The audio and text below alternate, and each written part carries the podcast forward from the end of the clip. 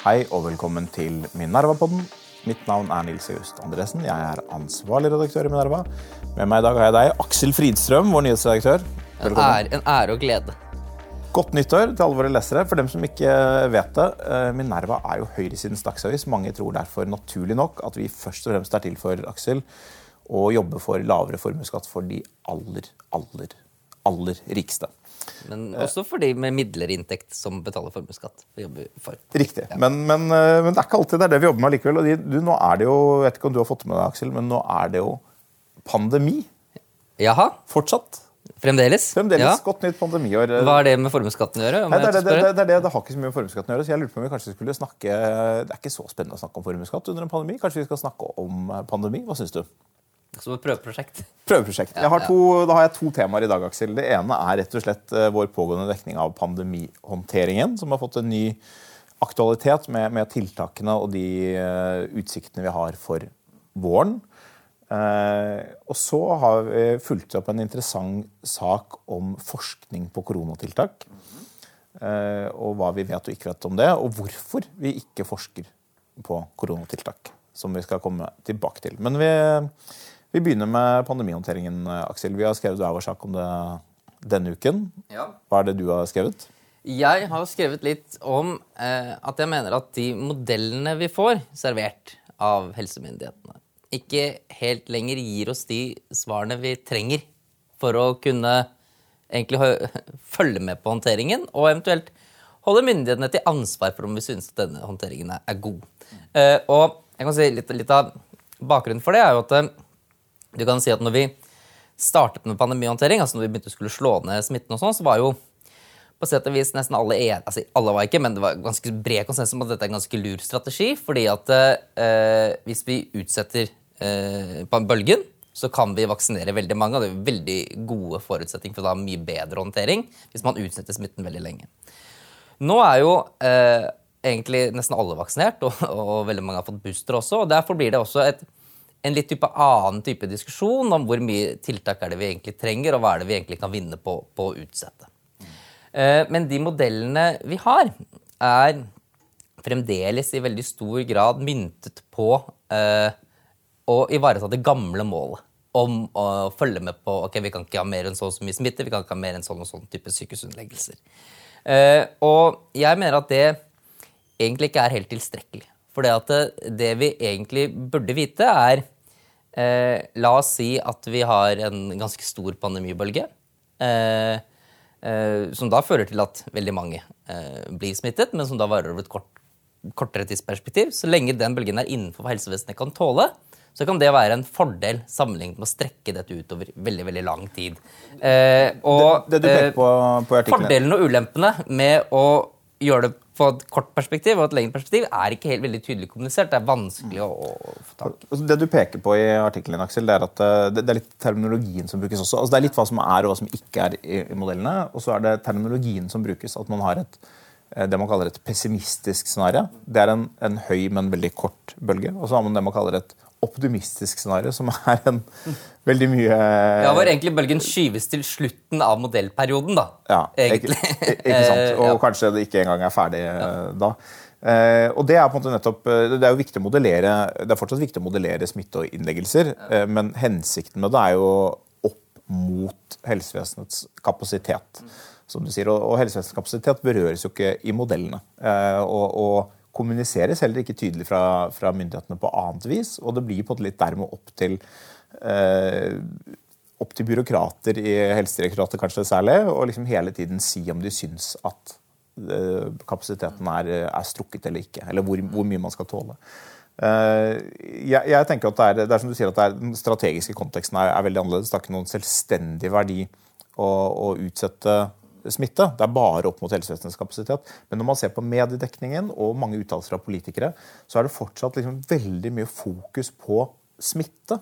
Eh, Og i beste fall på innleggelser. Innleggelser er jo relevant. Smitte i seg selv er jo nå som så mange er beskyttet eh, gjennom eh, vaksine, ikke noe som vi skal være fryktelig redde for.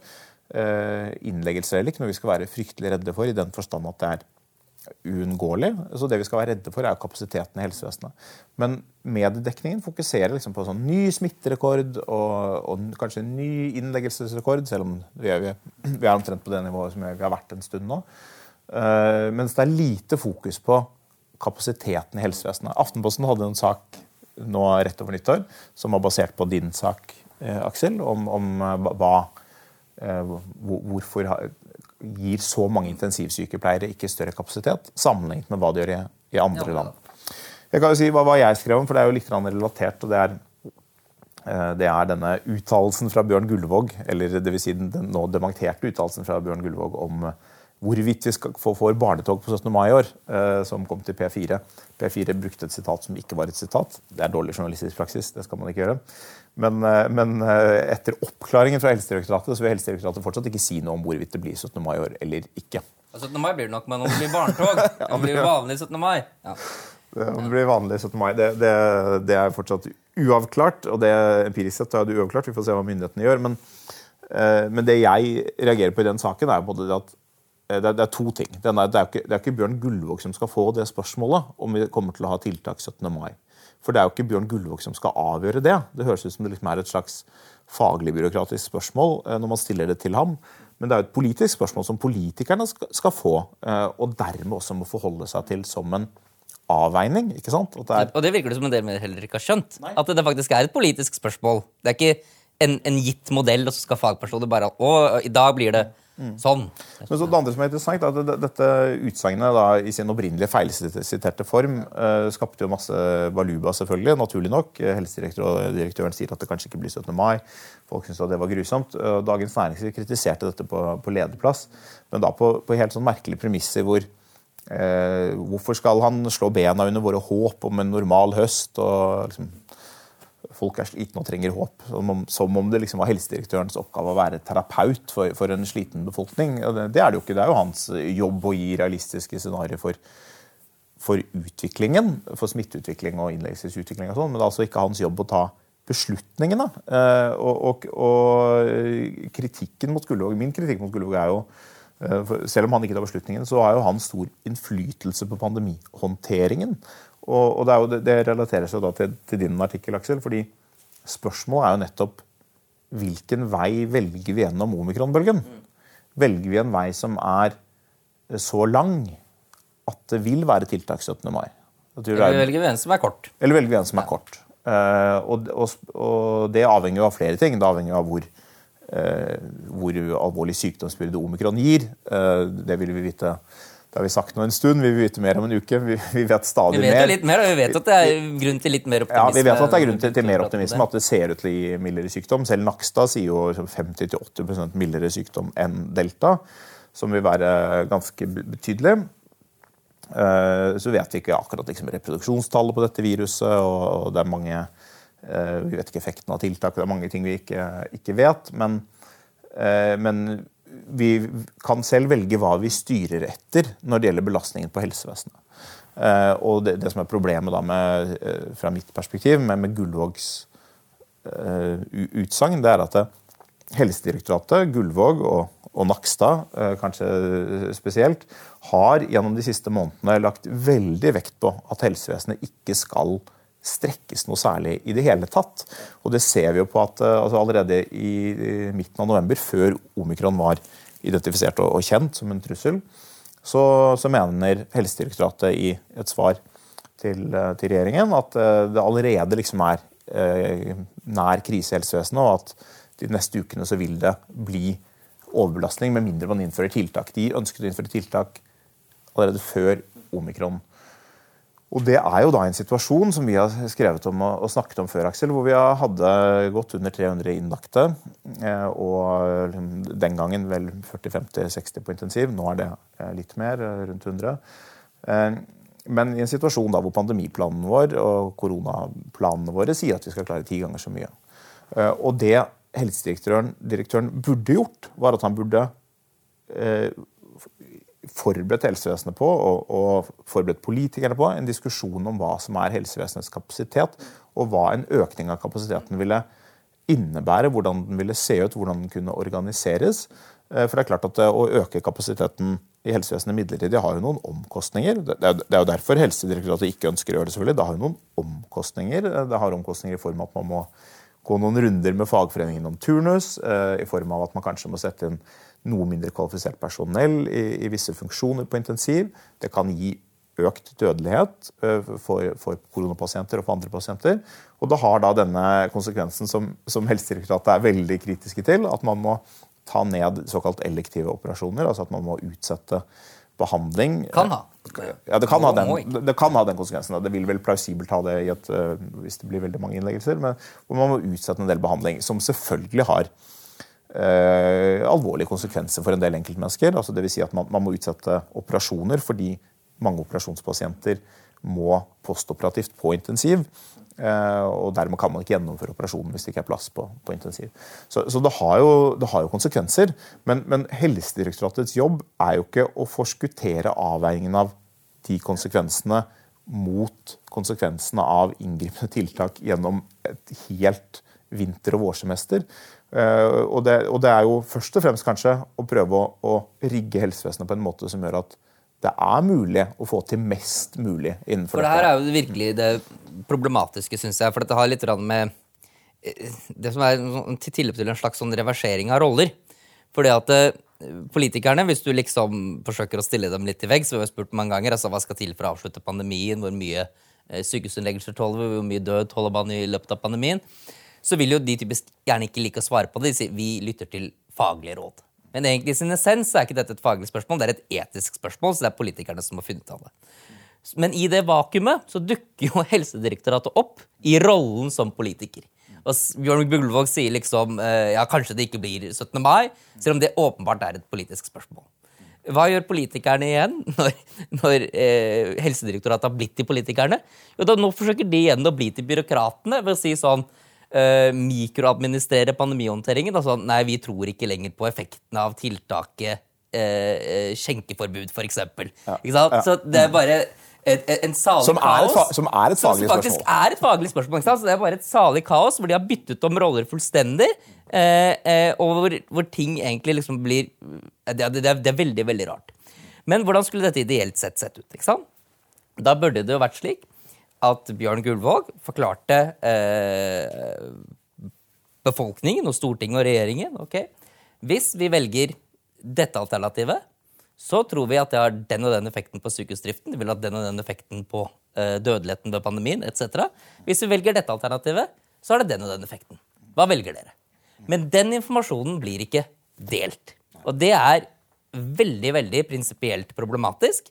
Eh, og eh, ikke bare blir det ikke delt, men det blir er også som i grenseland til at det blir eh, obfus obfusket. Obfuskert, ja. ja altså, eh, man vil ikke at den informasjonen skal ut. Den, den informasjonen skal ut. Ja, det har vært flere eh, eksempler på det. Fordi, også. har jo sagt kan du svare på hva som er kapasiteten. Nei, vi, vi vil ikke svare på det fordi mm. det er så vanskelig å si. Og det, det, seg, si, det kommer an på sykefraværet, det kommer an på andre pasienter. Kommer an på mange ting. Ja, det kommer an på mange ting, men man kan likevel gi et uh, ballpark number. ikke sant? Og i uh, de uh, kriseplanene som er laget av uh, helseforetakene selv, så peker man jo på at man kan håndtere opptil 1200 samtidig på intensiv. Og da har man jo endret turnusordningene, og så har man satt på nytt støttepersonell. Så det til sammen blir en fire ganger av den normale kapasiteten. Uh, men i dag ikke sant, så sier jo, er jo Espen Nakshut og sier at nå er liksom kapasiteten i helsevesenet det er snart overskredet. Liksom. Ja, det er, det også, og så, altså, fra, fra, rett før vi gikk på, på rett, rett før vi gikk på, ikke sant? Ja. Og det betyr jo at de egentlig ikke snakker med én tunge. Eh, og det syns jeg er, det, det, er veldig spesielt eh, å ha pressekonferanse og si f.eks. at til folk i serveringsnæringen da, din jobb finnes ikke lenger pga. Uh, kapasitetsbegrensninger i helsevesenet. Og så spør ja, hva er kapasitet i helsevesenet. Nei, vi vet ikke, eller vi vil ikke si. Uh, uh, og det syns jeg er en måte å drive pandemihåndtering på som jeg tror at uh, det er veldig undergravende for den tilliten man kan ha til denne håndteringen. Jeg tror, Dessverre kan man si, så virker det som både pressen og store deler av befolkningen aksepterer dette ganske ukritisk. Og jeg tror det er fordi eh, vi har vent oss til disse parameterne fra vi var i en helt annen strategisk situasjon hvor, eh, hvor dette fokuset på å holde smitten lav eh, ga veldig mening. Hvor det, det, var veldig meningsfullt. altså Det ga ikke, ikke for enhver pris, og man var fortsatt kritisk, det ga mening å være kritisk til enkelttiltak, om de fungerte. og, og, og det ga mening, og det var ikke alltid målet var å holde smitten så lav som overhodet mulig. men men, eh, men, i hovedsak så ga denne tilnærmingen mening. Og da, da, var det ikke så mange politiske spørsmål involvert. Det var på spørsmål om uh, hvordan ser, hvordan ser R-tallet ut, og hva skjer om vi gjør sånn og sånn. Fordi alle var enige om at nå holder vi dette ganske lavt. Relativt lavt, i hvert fall, frem til vaksinene kommer. Nå er vi i en annen situasjon, og mediene og befolkningen har liksom ikke helt catcha den forskjellen som, som faktisk har oppstått. og, og hvilken diskusjon vi skal ha nå. Vi hadde jo en sånn diskusjon, liksom, Helt til å begynne med så var det diskusjonen om brems eller slå ned. Og nå er vi liksom i en situasjon der eh, vi, altså vi, Logisk sett så er vi i brems. De, de, alle skjønner at man ikke kan slå dette ned liksom, til evig tid. Uh, men, men, vi har ikke helt tatt konsekvensen av hva det vil si, uh, hvordan vi tenker strategisk. Og jeg er helt enig, altså, denne, denne rollereverseringen er veldig betenkelig. Vi har sett den på helsefeltet før. Og det, Noe av grunnen er nok at liksom, politikere liker veldig dårlig å snakke om liv eller død. De prøver alltid å skaffe en armlengdes avstand til alle beslutninger som, uh, som innebærer den type etiske spørsmål. Ja. Uh, Selv om det egentlig er politikernes kjernerolle? Det er politikernes ja. kjernerolle, men, det, men, den gjør seg ikke så godt på, på en VG-forside, kanskje. Uh, det var en lignende sak for, for, en del år siden, ganske mange år siden med, med spørsmål om hvor stor del av helsebudsjettet som går til, til siste leveår. Hvor, hvor, mye, hvor mye er det vi skal bruke på på, liksom, på akkurat det, sammenlignet med alt det andre i helsevesenet. Eh, hvor politikerne også var på nesten ute av stand til å svare. Hvor det ble helsedirektøren som måtte, måtte da i og for seg fortjenstfullt gå ut og si at dette her, er, eh, dette her må man diskutere. Men da var det som en utfordring til politikerne. Nå har Gullvåg blitt litt varm i trøya og er fornøyd med å ha denne rollen. ser det ut som. Han er fornøyd med at det er han de kommer til, og at det er han som får lov til å formulere våre strategiske prioriteringer.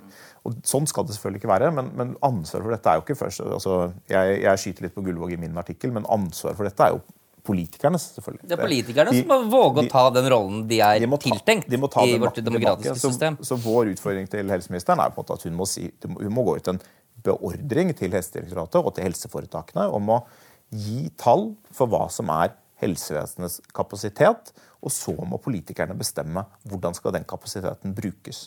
Og så må de også bestemme, eh, de må også utrede begrensningene, de må ekspressutrede begrensningene i kapasiteten og si hva de vil gjøre med det, om noe. F.eks. av dette spørsmålet om turnus, som, som vi så vidt har berørt som er et uh, krevende spørsmål, ikke minst for en Arbeiderparti-regjering. Det hadde vært det for en Høyre-regjering også, selvfølgelig, men uh, som berører forholdet til fagforeningene. Og, og, hvor langt er det mulig å gå? Og, men man må huske på i en pandemi hvor vi griper inn i så mange av de rettighetene vi liksom er, er, vant til å ha, uh, hva, hva, hva, er Hvordan håndterer man turnusordninger? Eh, det er et viktig spørsmål. Og så er det dette spørsmålet om hvilket personell som kan brukes hvor, eh, og, hvilke konsekvenser det har.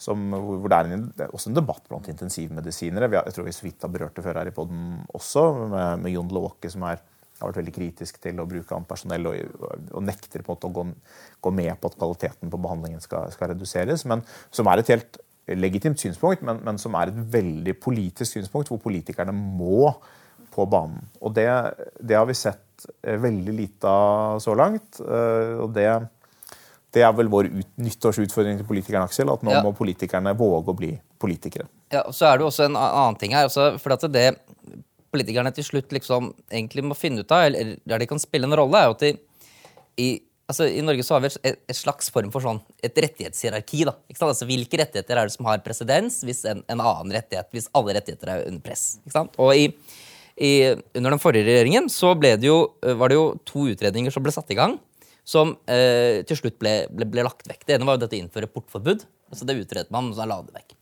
Det andre var jo å beordre helsepersonell. Det utredet man, men man la det vekk fordi at motstanden mot det var så stor.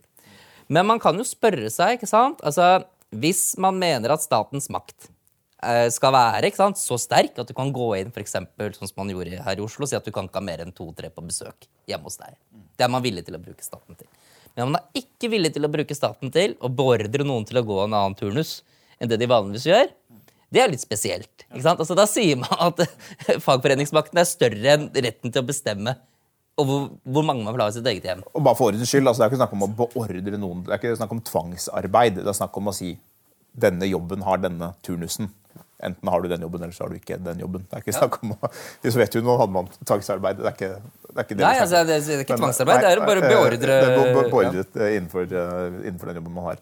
Eh, Nei, så Det er veldig interessant, akkurat det. Men det bringer oss litt over på, på neste tema, Aksel. Hvis vi er ferdig med pandemihåndteringen og håper politikerne har merket seg den utfordringen som vi har sendt til dem.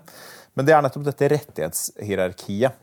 Og aller øverst står selvfølgelig tariffavtaler. Men, men Vi hadde jo en sak om dette nå, fordi Du berørte så vidt eh, politikerne vil gjerne være byråkrater og lure på om skjenkeforbudet virker eller ikke virker. Og Det, det er jo ikke det som er deres hovedrolle, men, men spørsmålet er i og for seg godt. fordi vi, vi vet ikke helt akkurat hvordan dette virker. Det, det er forsket litt på skjenkeforbudet, faktisk, men, men vi vet for dårlig hvordan disse tingene virker. og En viktig grunn til det er at det er eh, veldig vanskelig å få godkjennelse til å forske på eh, på koronatiltak. Eh, Vi hadde en sak skrevet av vår journalist Andreas Masse om dette denne uken, som er veldig interessant, og som ser på ikke på skjenkeforbudet, men på, eh, på eh, skolestenginger. Eh, Jeg kan gå bare kort gjennom gjennom den saken. Eh, Utfordringen med å få godkjennelse til denne type forskning er at det er helseforskning. All helseforskning og en del annen forskning må, må godkjennes av såkalte regionale etiske komiteer. Rekker. Eh, Og Der er det masse strenge krav som må oppfylles. eh, Hvor et veldig viktig krav, som i mange sammenhenger er veldig naturlig og, og fornuftig, er informert samtykke fra alle deltakere. Individuelt informert samtykke. Og så er det en del andre krav også, som at det, skal, spesielt når det gjelder forskning på barn, at skal komme, forskning skal komme disse barna spesifikt til gode. Eh, det, er ikke, det nok at det kommer noen andre til gode, eller samfunnet til gode, men det må komme disse barna spesifikt til gode. Og det er det er på en måte to spørsmål der. Det ene er har rekkene forstått konsekvensen av forskningen eh, eller både forstått forskningen og konsekvensen av forskningen godt nok? Eh, eh, det det er det ene spørsmålet. Det er mulig å gi unntak fra dette med informert samtykke, tror jeg. Hvis det er eh, ja, Jeg er usikker på Ja, det. men uansett så har det ikke blitt forsket på det er- mye med tiltak i skolen. De har gitt et, et avslag på dette her. Eh, forskerne har klaget, eh, men fått, fått avslag. Eh, og Det er jo én type eksempel. I en situasjon der konsekvensen er jo at man stenger skolene for, for alle. Altså, så, så re- Rekken argumenterer med det er til ulempe for barna å bli holdt hjemme fra skolen. Eh, og Derfor kan vi ikke gjøre det for noen, men derfor gjør vi det i stedet for alle. Uten å vite om det virker. Eh, Det er, en, det er en ganske interessant situasjon hvor det som en slår meg, er at det, det, vi, har en, vi har et problem med vårt forhold til rettighetsregimer, hvor vi måte så lett tar for gitt i Norge i så mange sammenhenger, sikkert ikke bare i Norge, men at liksom noen typer institusjoner eh, er identisk med det moralsk gode. Altså det, vi hadde, det, gjelder, det gjelder i Norge sånn hvis, noe, hvis FN har sagt noe, så er det liksom nesten alltid identisk med etikk og, og det gode i livet. Men det samme med liksom alt som på en eller annen måte kan kalles menneskerettigheter eller rettigheter eller etiske retningslinjer, eller noe sånt, så tar man liksom for gitt at de er nær ufeilbarlige.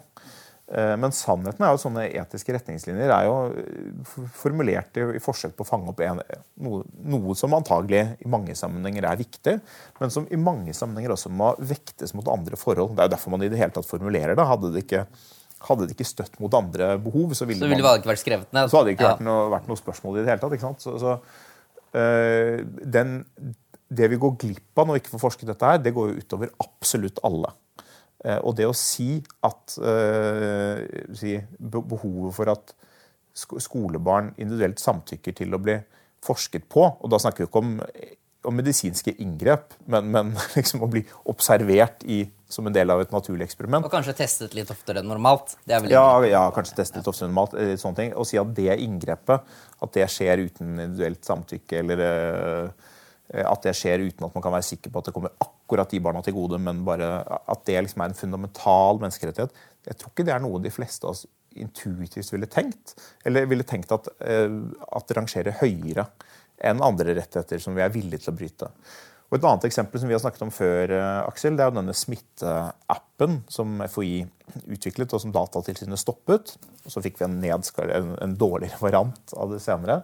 Eh, hvor hensikten bl.a. var da ikke bare å kunne varsle folk om at de muligens var smittet, men Å forske på effekt av tiltak. ja, og forske på smittesituasjoner. Ikke sant? Man vil da se hvordan var det denne smitten skjedde. Eller hvor, hvor var det den skjedde, hvor lenge var de sammen? Var de utendørs, var de innendørs, Eh, var de i en bar? Hvor, hvor var de? Eh, jeg vet ikke alt man kunne sett på der, men det er den type ting man, man kunne fått informasjon om. Alle de tingene som vi nå fortsatt lurer på ikke? Etter, etter snart to år med, med pandemi. Hvor Grunnen til at den ble stoppet, var jo da at Datatilsynet mente at eh, det å gi det å gi sitt frivillige samtykke til å laste ned denne appen Det var jo ikke noe påbud om å laste ned appen, men det å gi denne informasjonen og la FHI bearbeide denne informasjonen, som da kanskje ikke var 100% anonymisert, og, og sånn, det eh, var umulig. Eh, og det er informasjon, som, informasjon, av lignende type som det man daglig gir til useriøse app-utviklere. hele verden. Jeg, jeg, altså, jeg mener ikke det var umulig, men jeg mente at det var uforholdsmessig. Det var et, et så stort inngrep i folks liv av folk som frivillig hadde lastet ned en applikasjon og samtykket i vilkårene for applikasjonen. Fortsatte å ha den applikasjonen. Og smitten var lav, mente Datatilsynet. Ja.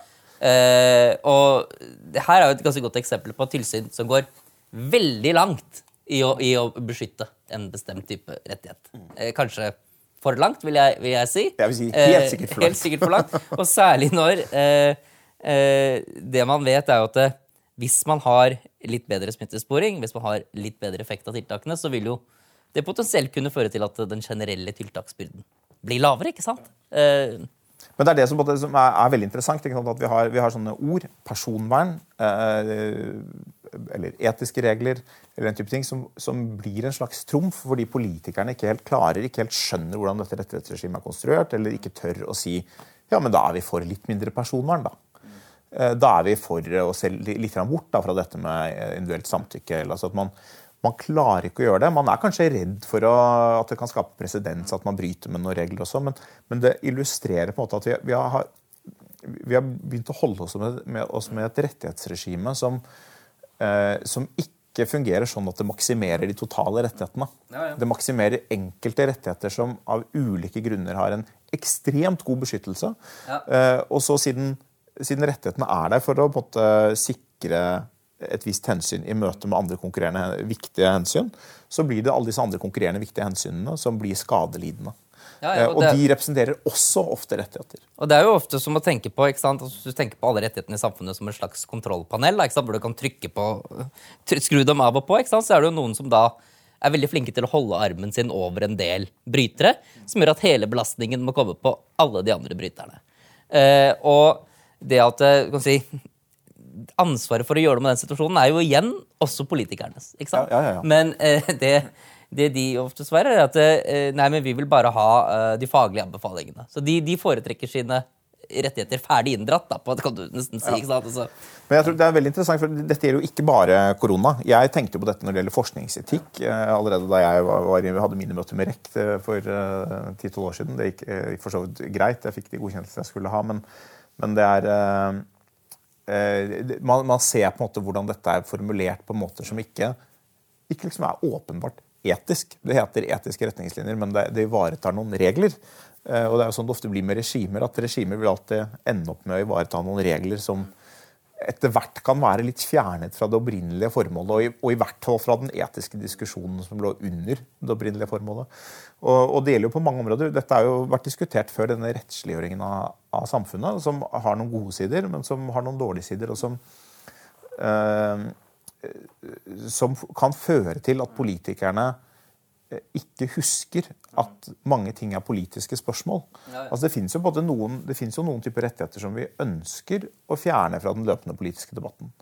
Men, men, eh, men det, er også, det, er også, sånn at for det første så gjelder det på ingen måte hele liksom, spekteret av rettigheter som eksisterer, eh, eksisterer, Og for det andre så er det sånn at når samfunnet havner i, i mer kritiske situasjoner, så vil bildet av hvilke rettigheter som bør beskyttes automatisk, endres. Eh, og rettighetsregimet eksploderte jo litt på den veldig stabile eh, og overskuddspregete perioden som preget Vesten.